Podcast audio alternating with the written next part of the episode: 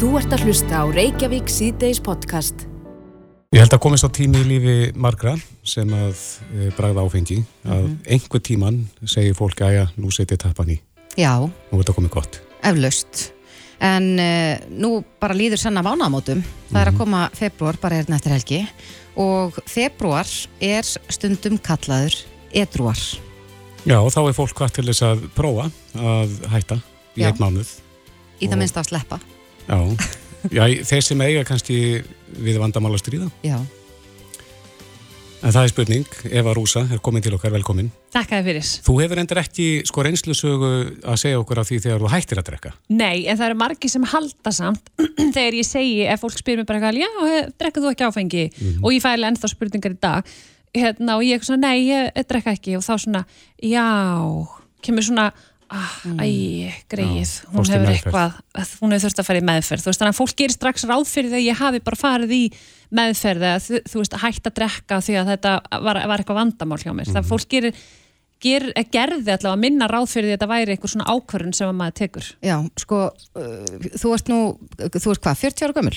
Nýjorðin, Já. þú varst færtu um daginn og, og ef maður lítur nú, já hvað, 25 ára aftur í tíman þegar þú varst á úlingsaldri, þá var úlingadrykja miklu, miklu meira en hún er í dag sem betur fer er hún ekki lengur eins algeng, en þú tókst bara ákvörðum þá, strax þegar að fólki kringuði var byrjað að smakka áfengi bara þetta er ekki fyrir mig.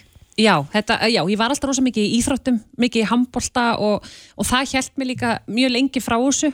Uh, en svo þegar að vinkonu mínar, elsku vinkonu mínar, byrjuði að fá sér í glas þá varði ég alltaf svona hrætt við hvernig það er urðu. Mér langaði ekki vera svona, svona, svona stjórn, ég Missa upplifði svona stjórnleysi, stjórn, og ég, ég er þannig bara eðlisfæra, ég vil hafa stjórn á hlutunum og bara stjórn á því sem ég er að gera. Eh, hvort sem það er eitthvað tengt drikki eða bara vinnu eða hvað, þú veist, mér finnst ég bara þurfa að hafa allt undir kontról. Og hérna, þannig að mér langaði aldrei til að missa svona stjórnina á mér. Og þannig að þetta, þetta var eiginlega ég, ég held alltaf að þetta hefði verið eitthvað svona ómeðvitað en ég held að þetta hefði verið alveg fullkomlega meðvitað hjá mér að mér langaði bara ekki til að drekka. Mér fannst bara ekki teitlandi við. Þetta var, þá voru krakkarnir alltaf að drekka þarna hjá Kópavásundlu, það var svona hotspot, það var svolítið svona heita, heita blástur þar Í og eitthvað hverfinu svona- mínu var þetta útblásturinn frá kirkjunni í hverfinu Já, þar. einmitt, leita í hittan Já. og byrja að drekka landa. Það Já. var náttúrulega vinsalasti drikkur um þá. Ég veit ekki, er það ennþá eða? Ekki Já, svo, já, allavega ekki eins algengt. En ef heldur þið að, að íþróttirna hafi hjálpað þér að, að halda þið frá áfengi? Eh, 100% en ég er líka alveg vissum að þó ég hef ekki verið í íþróttum þá hefði ég ekki leitað í áfengið sko. Nei. það er einhvern veginn alveg og ég með segja að þetta fyndi sko að ég algjörlega ótengt áfengi þá fór ég í hérna, magaspeiklunum daginn og þurfti að fá okkur svona líf, kæruleysislíf hún sagði þetta fer svona beint í hausunaður þegar þú, þegar þú ferði þetta. Og ég að já, ok, kottu bara með þetta. Og ég bara, ég fór í vímu, ég var bara hæ? Og ég sagði hérna mömmu eftir þetta bara, ég ætla aldrei nú, nú er það alveg ákveð, ég ætla aldrei að neyta neins sem setjum í einhverja einhvers konar Eitthvað sem breytir hugar ástandinu, Eitthvað sem þú vilt breytir- hafa stjórnina. Já, að þetta fór bara beint í hausin á mér og ég hugsaði bara svona lífi fólki þegar það er komið í eitthvað þú veist, ok, ég er ekki að segja kæruleysis spreytar sér svo áfengi en, en ég fann svona hugarbreytingu hjá mér og mér Já. fannst það ekki gott Nei. En, en uh, sko, edruar, þetta snýst um það að allavega fólk prófi að sleppa það að drekka áfengi. Já. Þeir sem jáfnvel drekka fyrir. Um, getur alls farið yfir það með okkur út af því að, að þú þekkir það náttúrulega bara að vera alltaf allskáð. Mhm. Hver er ávinningurinn? þú kennst alltaf heimtíðin þegar þú vilt fara heimtíðin þú ert ekki að býja eftir leigubíl og sparar ógisla mikið pening og sparar bara rosalega mikið pening yfir höfuð. Það hugsaði ég, ég var alltaf að græða ógisla mikið þegar ég var úlingur og maður átti ekki peninga. Þá hugsaði ég alltaf, vá, ég var alltaf leigubílapeningin og áfengispenningin sem vinkona mínar er að eyða í. Læta hljóma ógisla illa. Það eru örgulega ánaðar með þetta sjáta hérna í beinni. Já, um, og svo náttúrulega bara heilsan þú veist, að, að vera bara, þú veist, ég er alltaf með fulla orku, þú veist, auðvitað með þrey, var maður, ég var alveg örgulega þreyttar eldur en þær eftir, eftir djammi í gamla daga, sko, hann að þegar ég var yngri. En, en ég var miklu fljótar að jafna mig og bara, ég gæti fara út að hlaupa í hátteginu en ekki þær. Þannig að svona, og heilsan hefur alltaf verið rosalega uh, stór partur af mér, þú veist, ég hugsa rosa vel um bara hvað ég borða, hreyfi mig og, og, og hérna, bara líka mann á mér þannig að, og ég finn það og júrglega sérstaklega eftir að ég verð eldri að, að bara mér finnst ég vera bara í toppstandi með líkamann á mér og ég held að það sé líka alveg partur af því að ég er ekki að neyta áfengis eða einhverju vímöfna En Sumi get ekki ímyndað sér að fara út að skemmta sér án áhengis. Nei, Stíga á dansgólfi eða slíkt. það Var það margir aldrei neitt mál hjá þér?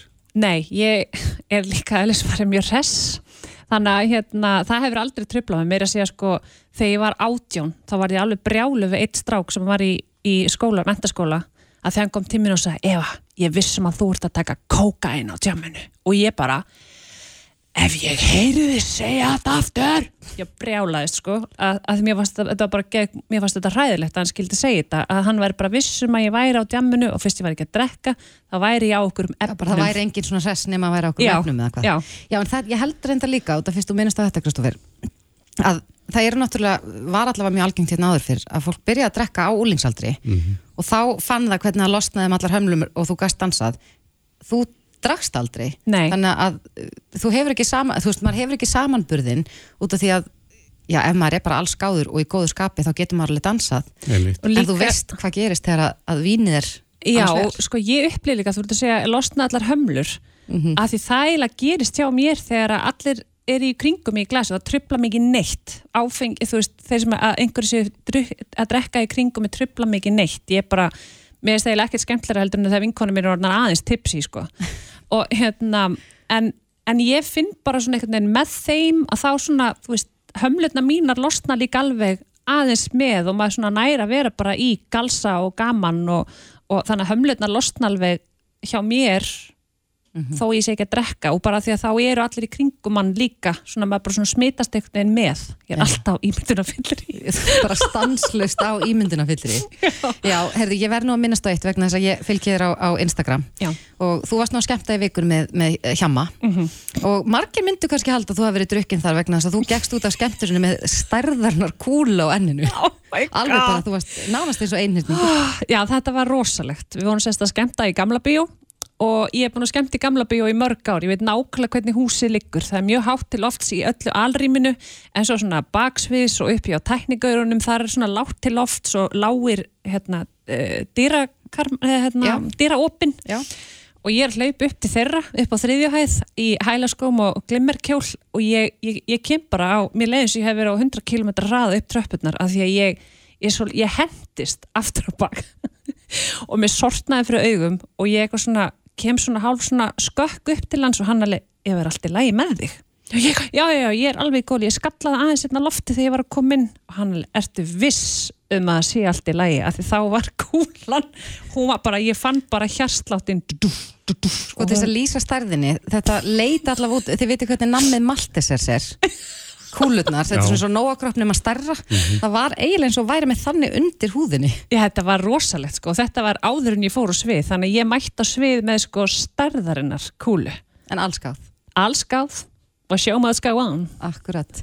Já, þetta er skemmtilegt átak og við bara hvetjum, nú er bara síðasti séns fyrir þá sem ætla að fá sér um helgina vegna þess að februar byrjar bara eftir örfa daga. Já, það er miðvíkudagur næstu viku og við hvetjum alla sem að vilja prófa að prófa að setja tappan í. Eitt að lokum, uh, ég talaði nú við um daginn og þú sagði mér að þú hefðir heyrt af fólki sem hefði bara prófað að taka þátt í, í edruar og svo bara allt í liðu nokkur ár og, og fólk bara Já, ég var nefnilega tók að tala tappan við... aldrei úr. Já, ég mitt var að tala við eina, eina kunningjakonu mín um daginn og hún sagðist þeim þetta að prófa þetta fyrir þreymur árum að bara, bara að prófa bara að prófa februar að að hætta að drekka. Stysti mánuðurinn. Já, styrsti mánuðurinn og ætla bara að tjekka þetta. Svo eitthvað svona, á, þetta gekk úrslega vel, það prófa mars líka og henn, hún fann líka bara svona líkamlega velíðan og, og, hérna, og var farin að vera dugleiri einhvern veginn svona hreyfa sig og mataræði fylgdi með og eitthvað svona og svo hún sagði, svo er bara allt í enn þrjú ár og ég er ekki búin að drekka og mér gæti ekki verið meira sama og það er enginn sem spáur í því hvort ég sé að drekka eða ekki. Já. Þannig að Þannig að fólk kannski miklar þetta fyrir sér. ég held það. Lífið er gott, eitthvað megin. Akkurat. Eva Rúsa, kæra þakki fyrir komuna og góða helgi. Góð helgi. Þú ert að hlusta á Reykjavík C-Days podcast. Já, mál, málana þessa dagana er uh, þetta óvænta útspil ríkisaftarsemjara í gær sem að leggur til miðlunar tillögu. Akkurat, hann hefur sagt frá því að, að hann hafi já, verið nöðbegður til þess að- að gera þetta að uh, átökin hafi ekkert verið að, að þessi hnútur var ekkert að fara að leysast á hans mati. Og uh, við stemdum í verkföll en uh, hann hefur nú verið gaggrindur úr ýmsum áttum. Já, fyrir að hafa lagt þetta til of snemma. Akkurat, og svo hefur auðvitað ebling um, neitað að afhenda uh, kjörskrá. Já, og efast um lögmæti þessara, þessara aðgerðar ríkisáta semjara. Akkurat. Á línunni er formaður starfskreina sambandsins, Vilhelmur Birgisson, kom til sæl. Já, komið sæl. Já, þið viljið að domstólar stýri úr um lögmæti þessara miðluna tilugu. Já, ég tel það bara mjög mikilvægt í ljósi þess ágreining sem upp er komin og í ljósi umræðuna um það sem er verið að efast um lögmætið. Efast þú sjálfur um lögmætið? Ég er bara ekki lögfræðingur þannig ég ætla ekki að leggja mat á það uh, hvort að þetta sé rétt. Ég sé að efling er að kalla eftir því að þetta fari inn í dómskóla og ég þá að hún var á fundi með Alþýðisambandinu gerð miðstjórn þar sem að lögmenn uh, Alþýðisambandinu töldu að uh, þetta gæti stangast á við lögust þetta fyrir vinnutulur þess vegna tel ég bara mjög mikilvægt að þetta mál fari fyrir dómstóla og verði skorið úrumða þar með afgerandi hætti hvort að uh, þessi millunatillaga hafi verið í anda þeirra laga sem að gilda um stjættafélag og vinnutölur. Akkurat. Um, uh, já, það er nú, nú verður forveitinlegt að fylgjast með framhaldin í þessu en, en þess, þessi atkvæðagreisla, hún átti að fara fram bara núna á allra næstu dögum. Uh, Tilur líklegt að það verði af því? Nei, ég tel það er ekki líklegt. Ég held að orðið líki bara ljóst fyrir að uh, samkvæmt miðlunatilugunni, ef ég skildi hana rétta þá átti kostingin að hefjast á morgun nú leikur fyrir að e, ríkisatastæmjar hefur ekki fengið kjörgögnin eða kjörskranna frá eblingu þannig að það verður engin kostning sem getur hafist á morgun. Nei, en hann hefur fengið kjörgögn frá samtökum atvinnulífsins. Já, e, það kan fréttum að þá skiluðu þeir því inn held ég í hátíðin í dag Já.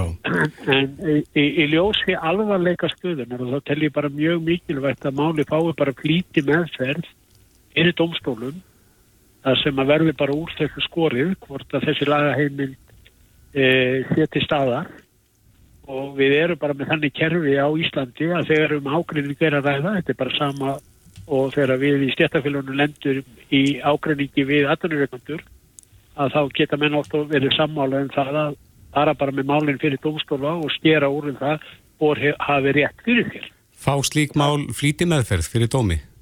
Eh, oft fá mál eh, klíti með fyrir sérstaklega þegar lítur að vinnu deilum öðru slíku þannig að ég held að þetta tiltekna mál ætti að geta fengið klíti með fyrir. Já. Það mátti skilja á ríkissátt sem er í gæri aðalstinni leifsinni að hann væri svo litið kappi við tíman líka. Hann vildi ná atkvæðagreislum þetta áðurna verkvall stjallur á vegna þess að þá er afturvirknir farin ef að það kemur til verkvalls. Skiluru að hann hafi sett þetta fram á, á þessum tímapunkti?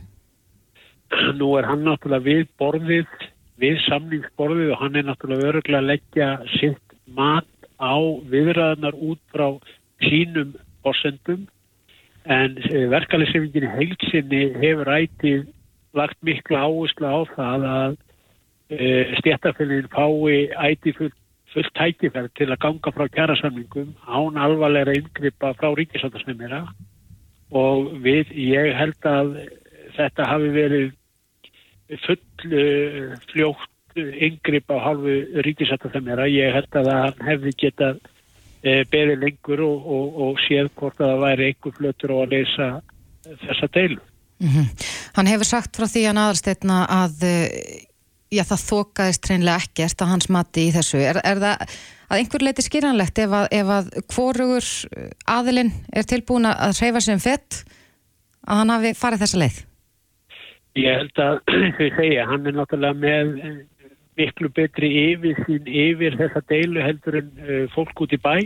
Hann er náttúrulega við borðið og er, er að vega og beta þær fórsendur sem hann hefur og, og, og, og gefur sér. Hann væntalega hefur talið að það væri nánast útilokað að ganga frá e, e, kjærasamlingja millir þessar aðila nema með e, yngripu að sinni halvu. Það er örgulega það sem hann Uh, hérna hefur verið að hugsa ég, ég held að það sé alveg alveg ljóst en... Akkurat En Vilhelmur, uh, þessi miðlunar tillaga, hann leggur til að uh, já, bera undir félagsmenn eblingar þann samning sem að starfsgrunnarsambandið gerði við samtöku atvinnlýfsins og, og þessar afturvirku hækkanir til 1. november er, ég veit nú ekki eins og hvort að þú þekkir það almennilega en þú þekkir vissulega samningin sem þið gerðið er þessi samningur sem hann leggur til er hann samningur samtaka atvinnlýfsins, það hafa einhverjir flekt í fram?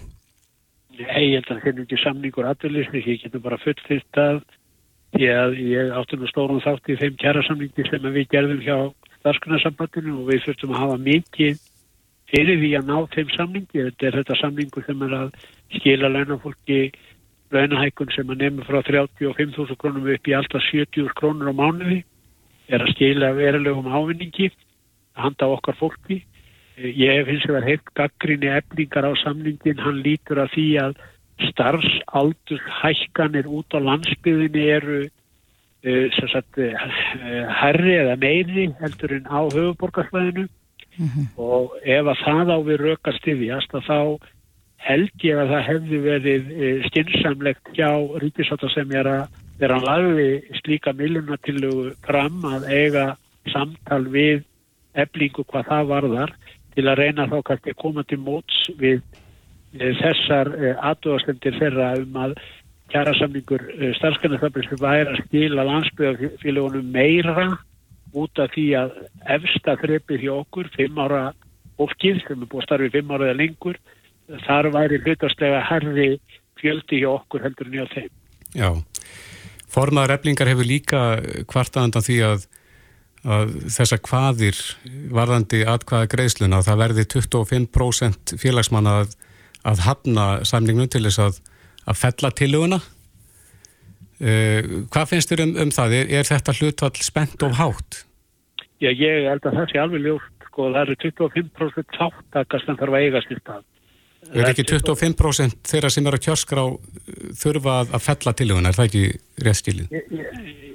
Sko, nú ætla ég ekki, eins og segi, ég, ég, ég, ég er bara ekki alveg með þetta reynu. Ég allavega tóka þannig að það styrtu 25% að taka þátt mm -hmm. og síðan væri það hreitt meiri hluti sem það e, væri það bara meiri hluti sem myndi ráða því. Þannig hef ég skilið það.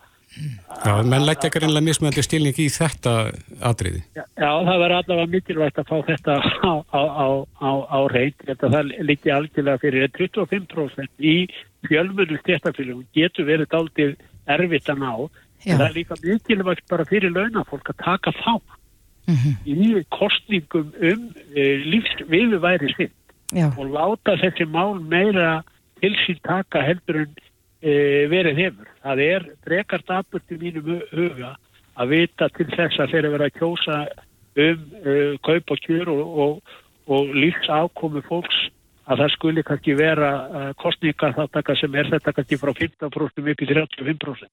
Það, það er bara ekki nægilega gott og og félagsmennindi sjálfur þurfa alltaf að taka það til sín. Já, um, ég ætlaði bara að, að hafa þá reynu, bara fyrst að við vorum nú öll frekar óvist með þetta, en, en lögum samkvæmt, þá þarf 25% félagsfólks að sinja þessari miðluna til þau. Já, þannig að það er réttu stilningur eins og uh, hún leggur í þetta formaður eflingar, mm -hmm. Solveig Anna. Já, já. Er, já, já, þetta er, þetta er mjög haldflutat. Já, akkurat. Serðu fyrir að ver, þetta verði stál í stál núna næstu daga? þessi deila er eins og ríkisætta sem ég hefur líst í bara mjög harður og erfitt að eh, leysa og eh, ég held að það sé bara mjög mikilvægt að ég myndir nú bara skora á deilu að, að eða helgir í að reyna að finna lust á þessari deilu. Já með hagsmunni sko félagsfólksins að leðalur. Akkurat, en Viljamur, vil ekki sleppa þér á þess að nefna við þig eitt atriði. Þú varpaðir gjaldmiðir spoltanum á loft, núna ekki alls fyrir löngu. Já. Og sagður að það væri komið tími til þess að, að ræða það að stiftum gjaldmiðil á Íslandi. Við heyrum hérna í heiðari Guðansinni, uh, hagfræðingi í gær, sem að sagða að þetta var ekki mikið mál. Hversu mikla áherslu vilt þú leggja á gjaldmiðilinn þegar að næstu kjara viðra að fara í gang? ég held að það bara umtalsverða líkur á því að við í verkefniðsefningunni þurfum að taka þetta mál til umræðu til dæmis á þingi alþýðistabast og mót okkur uh, skoðunni í því að eins og ég hef sagt uh, ofinberlega þá hef ég nú verið uh, sterkast í stundum smaður íslensku krónunar en ég tel að sárstuðningu sé að verða komin á leiðarenda uh, einfallega vegna þess hvernig krónan hefur verið að leika sko launafólk uh, mjög grátt uh, í gegnum tíðina þar sem að hún sveiplast til og frá og við vitum er og vera aldrei hvort að uh, kaupmáttur okkar eða þær launahækkanir sem við erum að semja um séu þurkaður upp á mjög skomum tíma eins og við erum að verða vitnað. Við erum að búa hér við miklu herra vaktastig og, og, og, og vöruverð, innflutta vörur hækka hér eins og engist í morgundagurinn og það, í mínum að það bara gengur til lengur. Ég vil bara, taka, ég vil bara verði farið í þessi mál að festu og þetta verði skoða hvort að sé hægt að taka hér upp eh, sterkari gjaldmiðl þannig að, Einhliða. já, já einhliða. Hvaða gjaldmiðil serðu fyrir Já, þar? við getum, getum maður verið heitti í íms, íms, íms, hérna nöfn á, á gjaldmiðlum eins og dollara eða kanadadollara eða, eða, eða, eða hvað sem er. Ég held að þetta, það eru bara einhverju sérfræðingar sem fyrir að vega þá um þetta en allavega þá fórnakortnar sem íslensk launafólk og heimili verða fyrir er bara orðið og dýri verði kemd til, að- til að halda þessari, þessu gjaldmiðli í miður. Já. Vilhelmur Birgisson, formaður starfskreina sambandsins, kærast þakki fyrir þetta og góða helgi. Takk, takk. Þetta er Reykjavík C-Days podcast. Jæja, þarna heyrðum við föstudagslægið að hætti Braga Guðmundssonar. Já, mistarlega vel gert hjá hann að braga okkar. Já, búin að sjóða sama þarna úr því sem við vorum að bralla í vikunni. Já, alltaf gaman að svona aðeins að lítið í vikuna. Það er ímislegt búið að vera í gangi hér Já, og maður er fljótur að gleyma. einmitt. En Það er næringin. næringin, Er næringar þörfin, breytist hún á meðan við lifum? mm Er hún svo sama frá vakku til grafar? auknin efast ég um það, Já, en ef ekki að leita eftir svörum. gerum það. Hún er sest hjá okkur, Berglind Sofía Blöndal, næringafræðingur. Kom til sæl. Hæ, hæ. Já, orku þörf. Já. Þetta er eitthvað sem er oft talað um. Mm. Hitaeiningar sem það er innbyrðir. Er þetta breytilegt eftir æfi skeiðum? Gríðarlega. Það er náttúrulega bara mjög mismundi eftir stærð okkar og hvað við erum að gera mikið hverju sinni og, og orku þar barna til dæmis eru bara lí, lítillra barna. Hún er svona meiri en maður heldur að því að þau eru náttúrulega mikið á reyfingu og svo framvegis og þannig að það er ekki alltaf bara hægt að meða við einhverja kílóatölu og hæð heldur. Skiptir líka máli bara hvað við erum að gera og hversu mikið við reyfum okkur og slíkt og svo fullorðisárin þá helst þetta nokkurn veginn svona stabílt en, en sko orkuþörfun okkar ekst ef við aukum til dæmis vöðvamassa þannig að það eigur sagt brennslu að vera með meiri vöðvamassa En það er, það er eitthvað sem að eh, er grunn orku þörfið ekki, bara sem að við þurfum til að viðhalda okkur, bara þó Bara við myndum bara upp í kjör. Já, eða lægjum upp í rúmi. Já, bara til þess að viðhalda öllum frumuskiptingum og andu, þú veist, andadrætti og, Mhm. og hérna blóðið þarf að koma sinna leiða og hjart, hjarta þarf að slá og heilin þarf að virka og allt þetta, þetta er allt mjög orkukræft heilin tekur um 20% af orkunni okkar til dæmis. Já, er það mismunandi bara eftir fólki?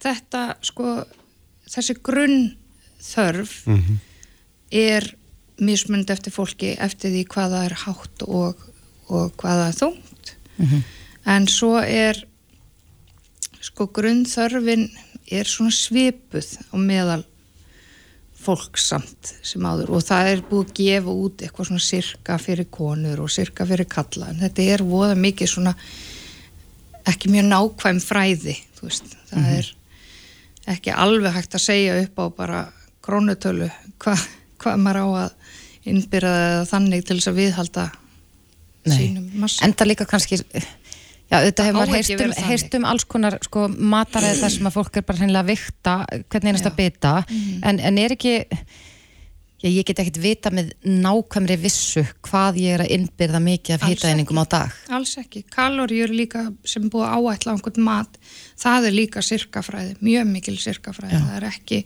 mjög nákvæmt, það er hægt að segja svona nokkurn veginn og er yfirleitt gert uh, af því að taka einhver svona stikkpröfur úr nokkrum matvælum, mm -hmm. sömu matvælum og, og meðaltal reiknað og, og þetta er alltaf bara svona nokkurn veginn og ég segi bara gott að vera ekki of upptekinn af þessum hlutum. Nei, ég held að, að sem betur fer er fólk nú kannski ekki droslega upptikið að því eh, hversu margar hiteiningar börn er að borða. Nei, en eru, eru dæmi um það sko, já, nú eigum við líklega öll hérna börn og Mhm. Er það eðlilegt að, að allt í hennu ekst rosalega hérna orku þörf barna í eitthvað svona smá tíma, það stundu tala um eitthvað vakstakippi Það er bara mjög algengt, gerist bara mjög reglulega á meðan að börnin er að vaksa. Kannski bara, maður tekur eftir því að þau bara allt í einu fara bara innbyrða ofbúslega mikið. bara sísvöng sísvöng, gjörsamlega, ósæðjandi. og svo bara allt í einu brr, lengjast úr þeim, sko. Já, Þannig að þetta er svona einhvern veginn bara lífelsfræðin að virka eins og hún á að gera.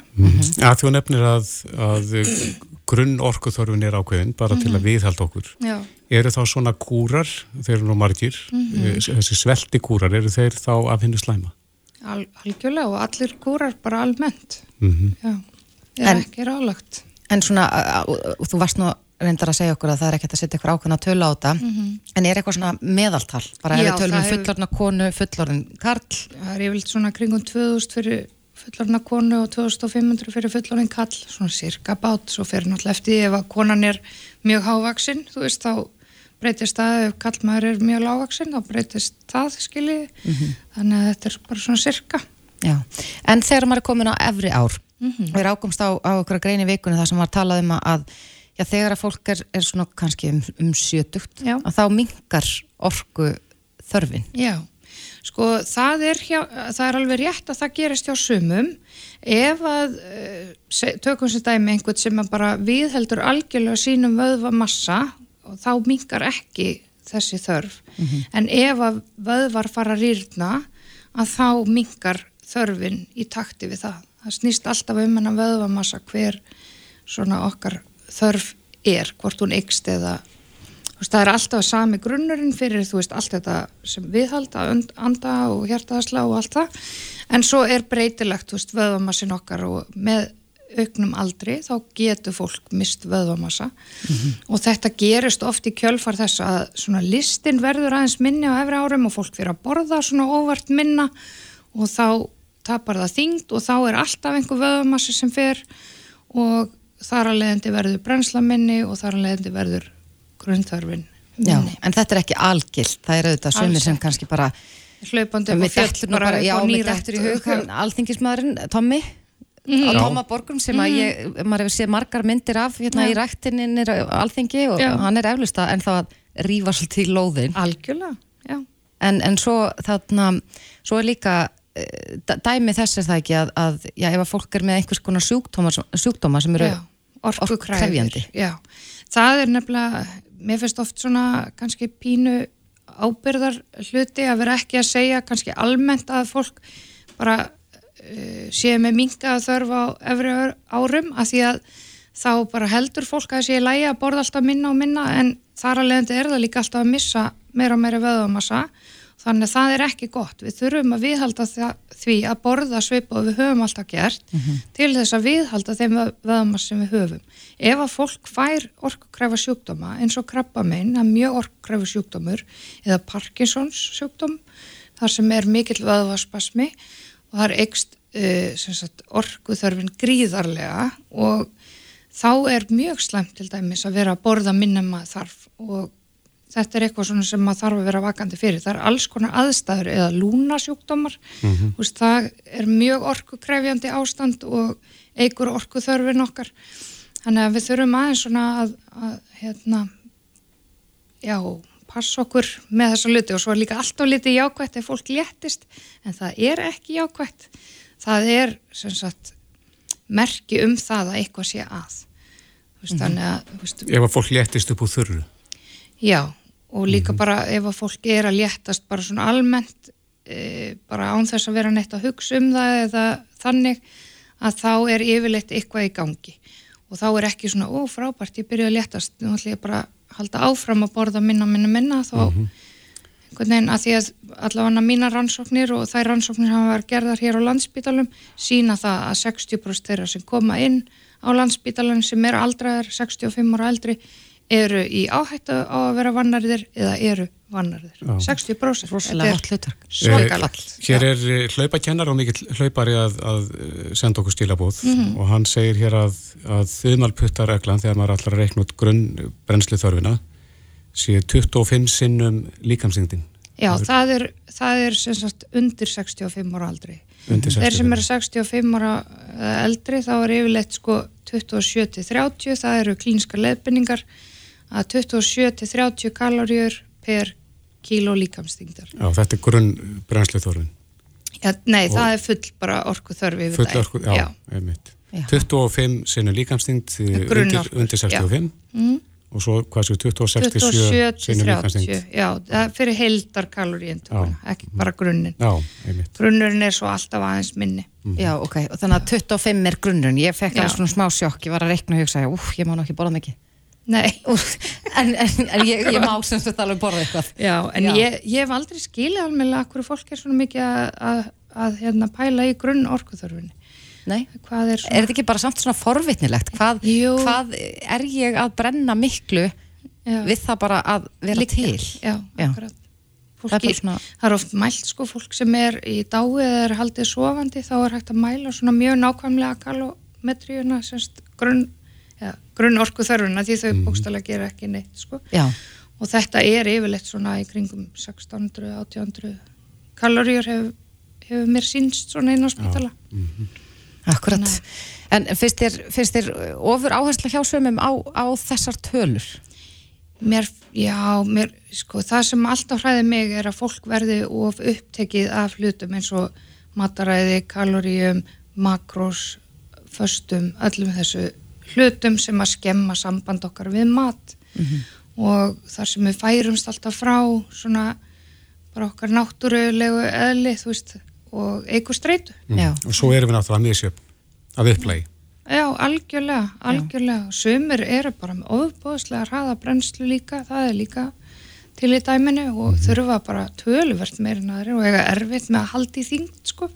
Og getur bara verið mjög erfitt virkilega erfitt Já. þannig að það er bara, við erum bara svo alls konar og, og hérna, já En það er auðvitað hægt að eiga uh, já, brenglað samband við mat á, á marga vegu Algjörlega. en uh, heyrið þín og flekt fram í daginn að það er nú ekkit svo langt síðan kannski langt síðan, ég er ekki að tala um 2-3 ár síðan mm. að við byrjum svona meira að borða um, og njóta í staðin fyrir að borða til að nærast já, bara, já, sko, að bara, bara fá, fá eldsneiti á líkamann mm. til þess að mhm. geta bara syndaglegum þörfu. Já, það er bara komið svo mikið fjölbreytilegi í matin þannig að nú er það hægt þannig að það er bara frábært. Akkurat. Fagnar því. Já, það er gott að borða. Allir hafa gott að þið bæta góði inn, alltaf. Mm -hmm. Hugsa frekar um það heldur en að reyna að taka hlut út. Hvað ættu við helst að vera? Ávextir græmiti. Við erum lélegið því. 2% Íslandinga fylgja ráleggingum ennbætti landlæknis. Við fengum um fiskikongninga til okkar í vikunni og hann saði það nú að, að já, kókupöfs og pizzakynsluðin verið að taka yfir. Og við varum hægt að bora fisk ættum við að vera dölir við það. það er, það er freka lítil fisknisla við hefðum öll gott af því. Frábær prótengjafi og bara æðislu matur. Akkurat. Já, Berglind Sofía Blöndal, næringafræðingur kærar þakki fyrir komin á góða helgi. Takk fyrir mig. Þetta er Reykjavík C-Days podcast Það má segja að umræðan um gjaldmiðlinn hafi farið á flug eftir að eh, Viljámi Byrkisson setti fæslinn á fjersbókina sína. Það sem að sagðist vera hættur að stíða krónuna, hafi verið mm. mikill stuðnism á krónunar en, en finnst krónan vera komin á enda stöð. Akkurat. Og við farin að tala um það að, að það þurfa að fara að setja gjaldmiðilsmálinn inn í kjara viðræður.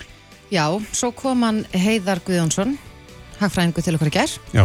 Hann það var frekar skemmtilegt hvernig hann líktur hann sagði að dollarin væri eins og sjálfskipt Tesla en krónan beinskiptur trapa. Já, mikill munum þar á. Já, já. Sigmar Guðmusson, þingmaði viðreysnar er komið til okkar, velkomin Takk fyrir. Já, Þið í viðreysn eru með uh, gjaldmiðlin á ykkar stefnuská Já, þetta hefur alltaf verið stort uh, mál hjá okkur mm -hmm. að sjálfsögðu. Uh, og hérna uh, verður það náttúrulega áfram vegna þess að Ég hlustaði nú á viðtali við hann eða ekki ær og hann fóð nú bara býstna vel yfir þetta allt og þetta er allt rétt sem hann er að segja.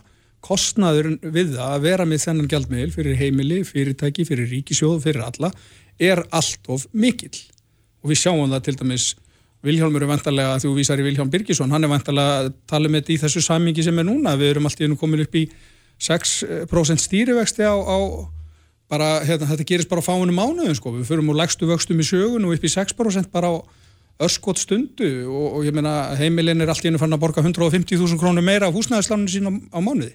Þetta eru auðvitað ekki heil brú í þessu. Já. Þetta er allt gjaldmiðlin. Og svo eins og þú bendir á í pisli sem svo skrifaður hann að vísi að þá eru, já, æg fleiri farnir að taka verðtrið lán Já, nú er það, se, se, se, ég var svona kannski að reyna að því ég var að skrifa þessa grein, þá er ég að benda á þessa ringekju sem er alltaf. Nú eru 86% allra lána sem tekin eru, þau eru alltaf í norði verðtrið.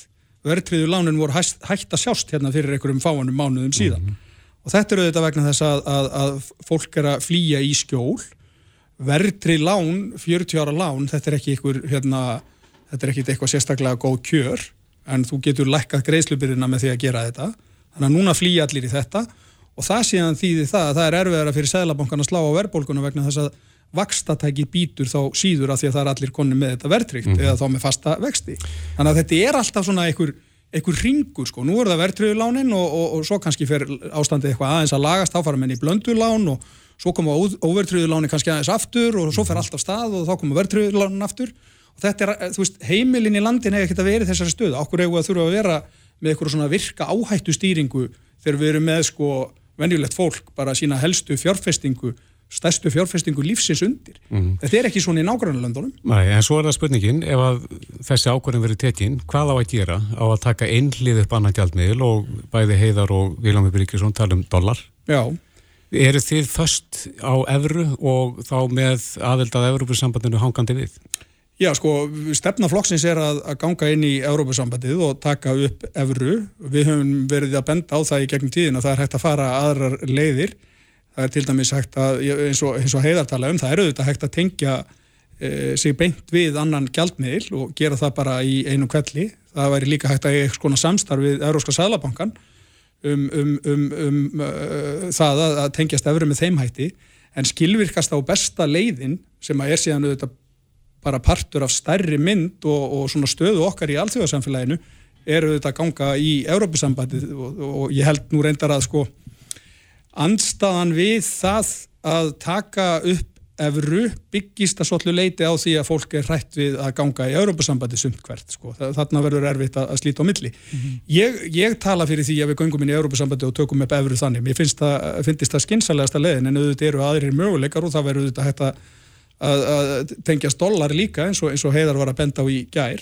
en ég meina umræðan um þetta er á flegiferð og hún, það verður alltaf svona mikil þungi þessar umræðu þegar við erum á þessar, þessum stað í hagsveiflinni en líki latriðið er það að með því að vera partur á stærra myndsvæði þá verður bara stöðuleikin meira. Það verður ekkert allt fullkomið og gott og, og allt það en, en ástandi verður svo miklu miklu betra. Ég menna sjáu þið, hann kom aðeins inn á þetta heiðar í viðtalin í gerð, í príðis fínu viðtali bara eh, nýsköpunar fyrirtæki nú, nú, núna eru í, í Íslendingar sem stopna fyrirtæki þeir eru ofta sko, það er heimurinn allur sem er markasvæðið en ekki bara Ísland mm -hmm. krónan er rosalega hindurinn í þessu okkur eru við bara með þrjá banka hérna á Íslandi og okkur er svona lítil samgefn og tryggingamarkaði þannig er krónan hindrun mm -hmm. ég meina, þú veist, menn geta haft alls konar skoðanir á Europasambandinu og eitthvað svona en ég næði ekki inn í minn koll hvernig hægt er að, að, að raukstega það að krónan sé eitthvað sérstaklega gott fyrirbæri fyrir, fyrir íslensk heimilu og fyrirtæki. Akkurat, í gær spurði ég heiðar, ég sagði smækkum þetta aðeins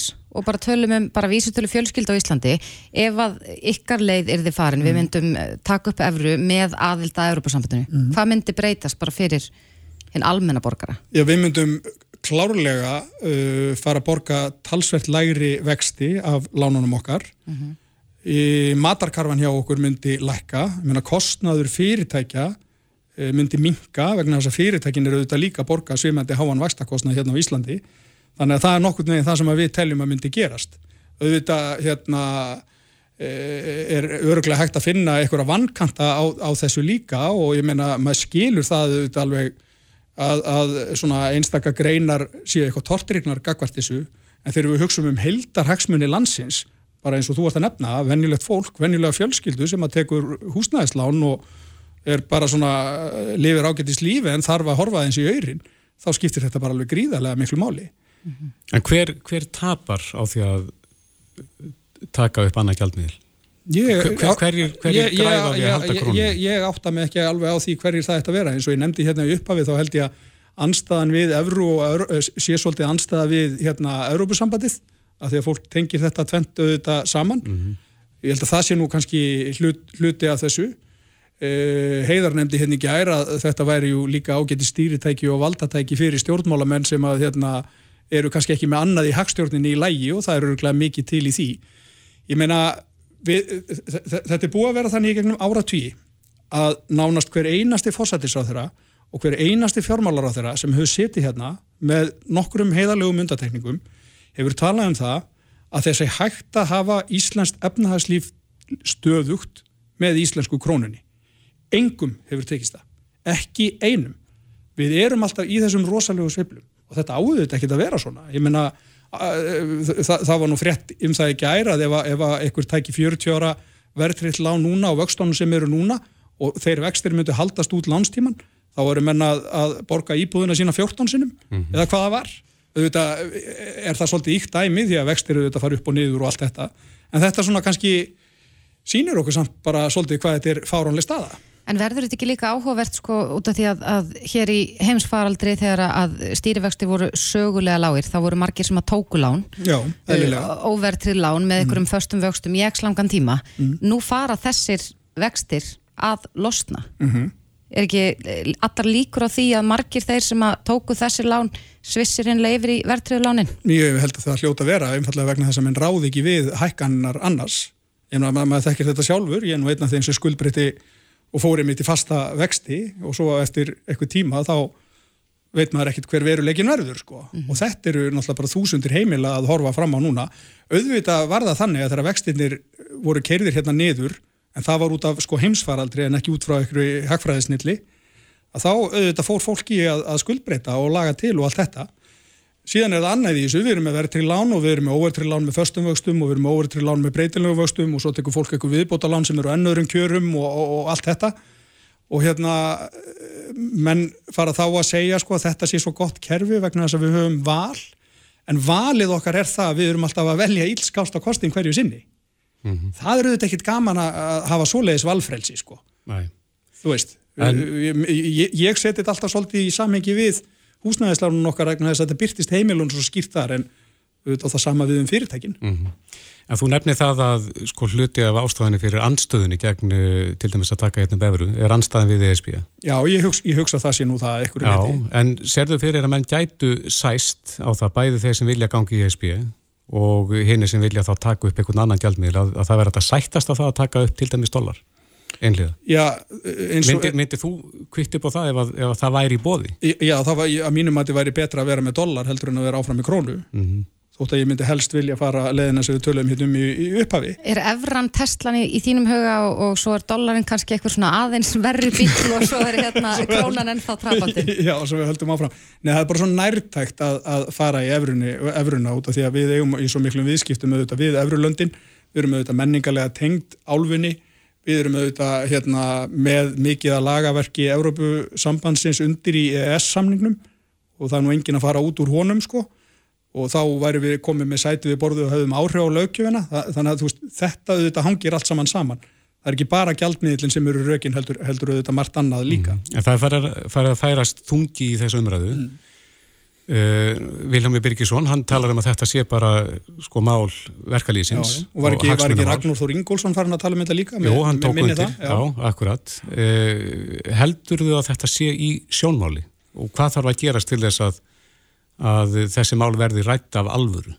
Já, sko eins og ég sagði, alltaf þegar við erum á þessum staði í hagsveiflunni, þegar vextinni fara svona ört hækkandi, þá við þetta springur umræðanu upp, þá finnur fólk þetta á eigin skinni Ég vona það satt best að segja að, að, að þeir sem hafa verið að halda dauðahaldi í krónuna sem einhvers konar tákgerfings góðs efnahags að þeir fara nú að sjá að sér. Ég menna verkalýsreifingin hafði þessa skoðun til dæmis talsveit mikið þegar Gilvi Arbjörnsson var og réði þar ríkjum og þá voru mjög margir innan verkalýsreifingarna sem að sáu þetta þeim augum og, og kannski er þetta að fara aftur yfir í það, þá átt. Ég menna það munar nú minna. Þetta eru þetta fólki sem er að hérna, semja fyrir almennt launafólk þetta er fólki sem að hérna, sér það þegar það er verið að fara yfir takstana og kaupmáttin og allar þróunar í, í hérna, efnagslífinu að þetta spursmál með vextina og verðbólkuna þetta er algjörst líki latriði hérna á Íslandi. Og við erum alltaf að býti í skottið okkur aftur og aftur í þessu sama ring. Við erum reynda núna með lægri, nei, með svona, ja, lægri eða, eða svipað háa verðbólku í, í Evrópu sem er nú óvinnilegt vegna þess að yfirlegt er verðbólkan að jafnaði miklu herri hér en vextinnir, þeir eru miklu herri heldur enn í Evrópu.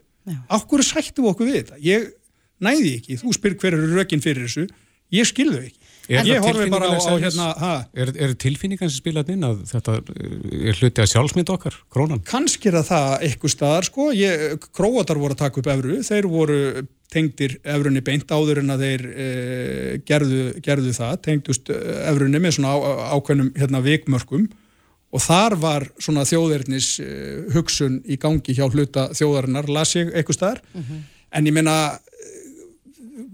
þú veist, erum við þá hugsa um mynd á einhverjum seðli eða hvað er, er verkildi Sigurðsson. krónuna rýrnað bara frá því að við hérna settum hann á lagginnar og ég meina við þurftum að kippa tveimur nullum af henni hérna um, fyrir allt nokkru síðan. Ég meina við, við, við hefum ekki að halda í einhverja tákmynd og hafa krónuna sem einhvern lukku peningum hálsin þegar hún er bara millusteinnum hálsin ég meina eh, eitthvað, ég veit ekki, eitthvað sögulegt eða menningalegt fyrirbæri, þetta er bara einhvers konar hérna verðgildi í, í, í viðskiptum.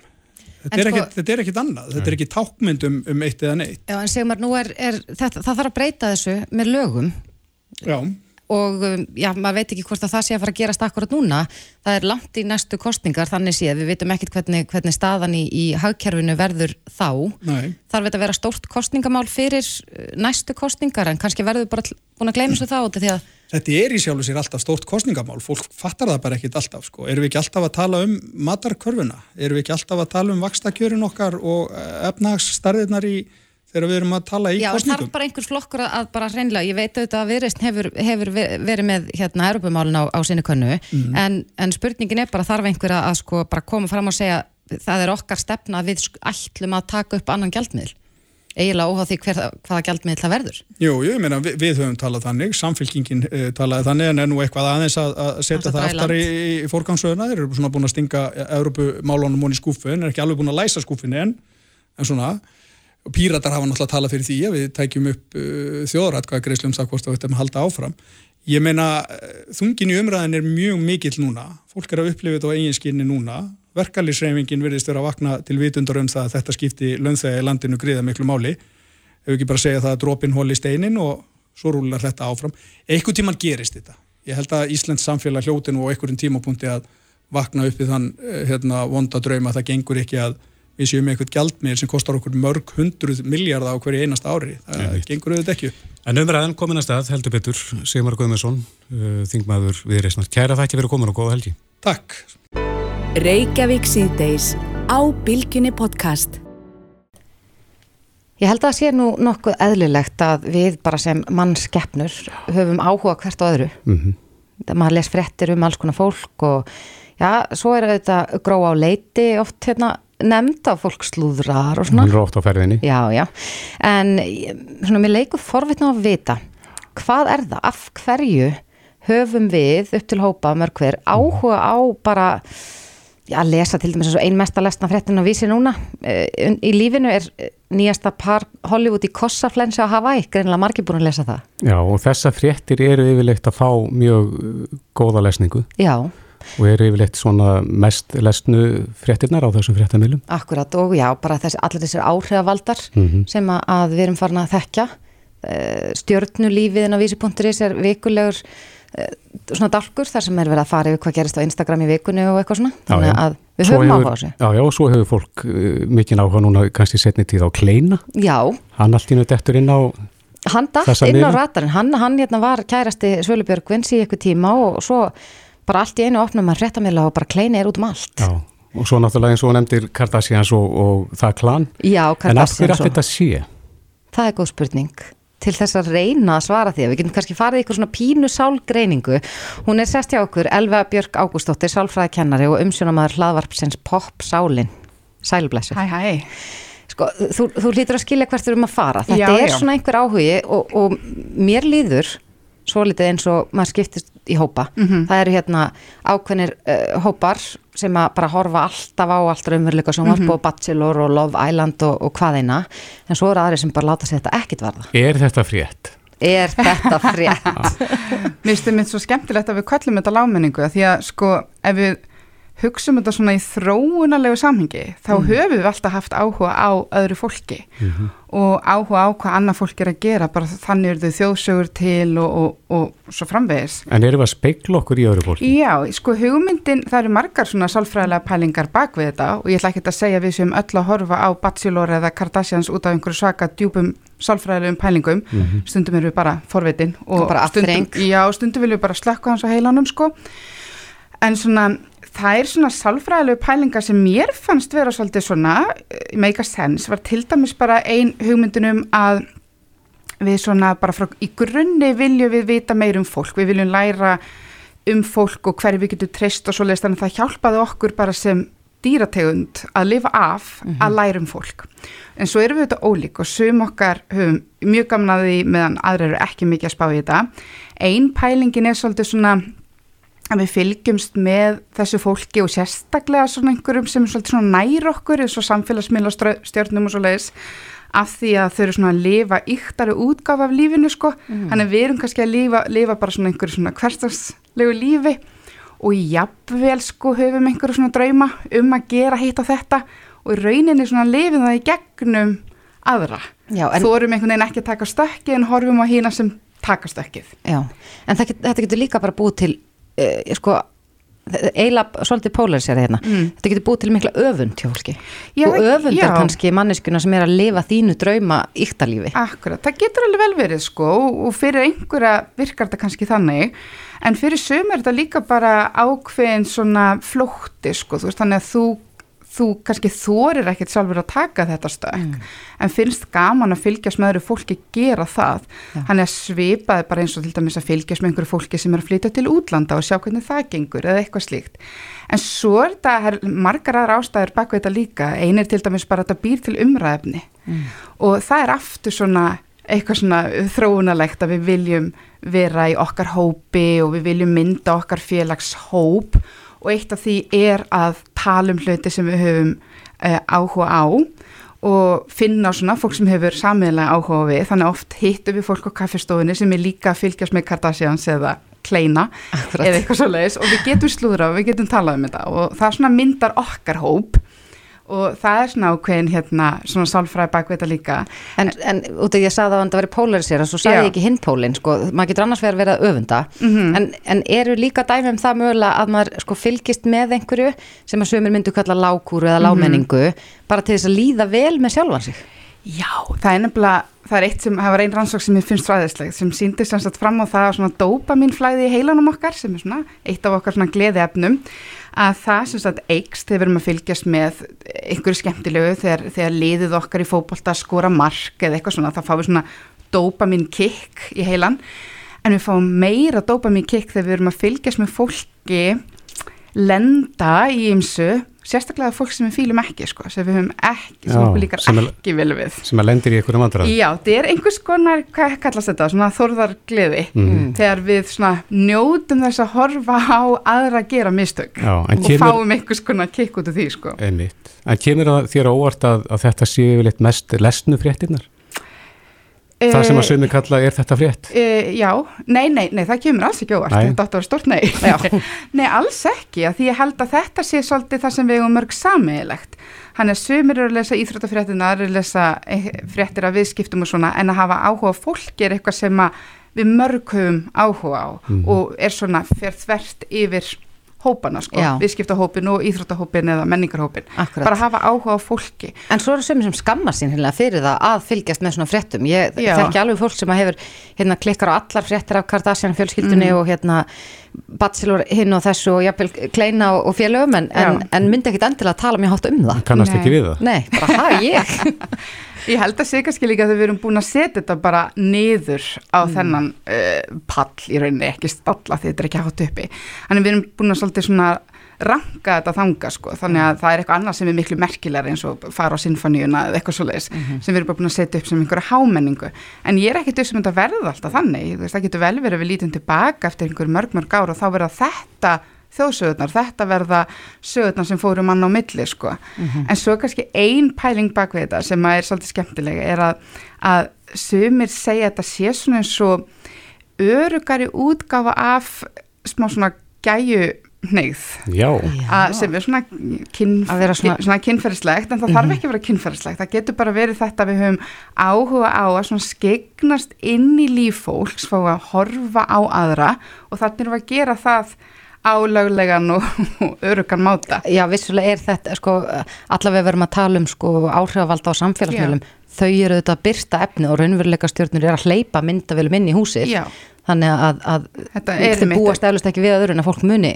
Gæjast. Þetta er gæju þörfin. Þetta er, og, og þetta er það, það hefur verið gerð rannsókn á svona gæju uh, neyð eða hvað sem við kallum það og hún er harri hjá þeim sem fylgjast mikið með raunveruleika sjónvarpi Já. en það er svolítið skemmtilegt og svo líka sko það sem gerir þetta eins og raunveruleika sjónvarp samfélagsmiðla og stjörnur og svo leiðis kannski svolítið svona áhugaverða er að okkur finnst skemmtilega skemmtilegra að fylgjast með einhver sem er raunverulega raunverulegt þannig að, að þegar við erum að horfa á kvikmyndir og þætti þar sem fólk er að leika þá ertu ekki að horfa á raunverulegt líf einstaklingana þannig að þessi hópur sem hefur svona gaman af sögum á fólki, af hverju fólk gerir það sem það gerir, það sækir í raunverulega sögur af fólki, ekki leiknar sögur af fólki, Já. að það vill vita raunverulega af hverju við gerum það sem við gerum.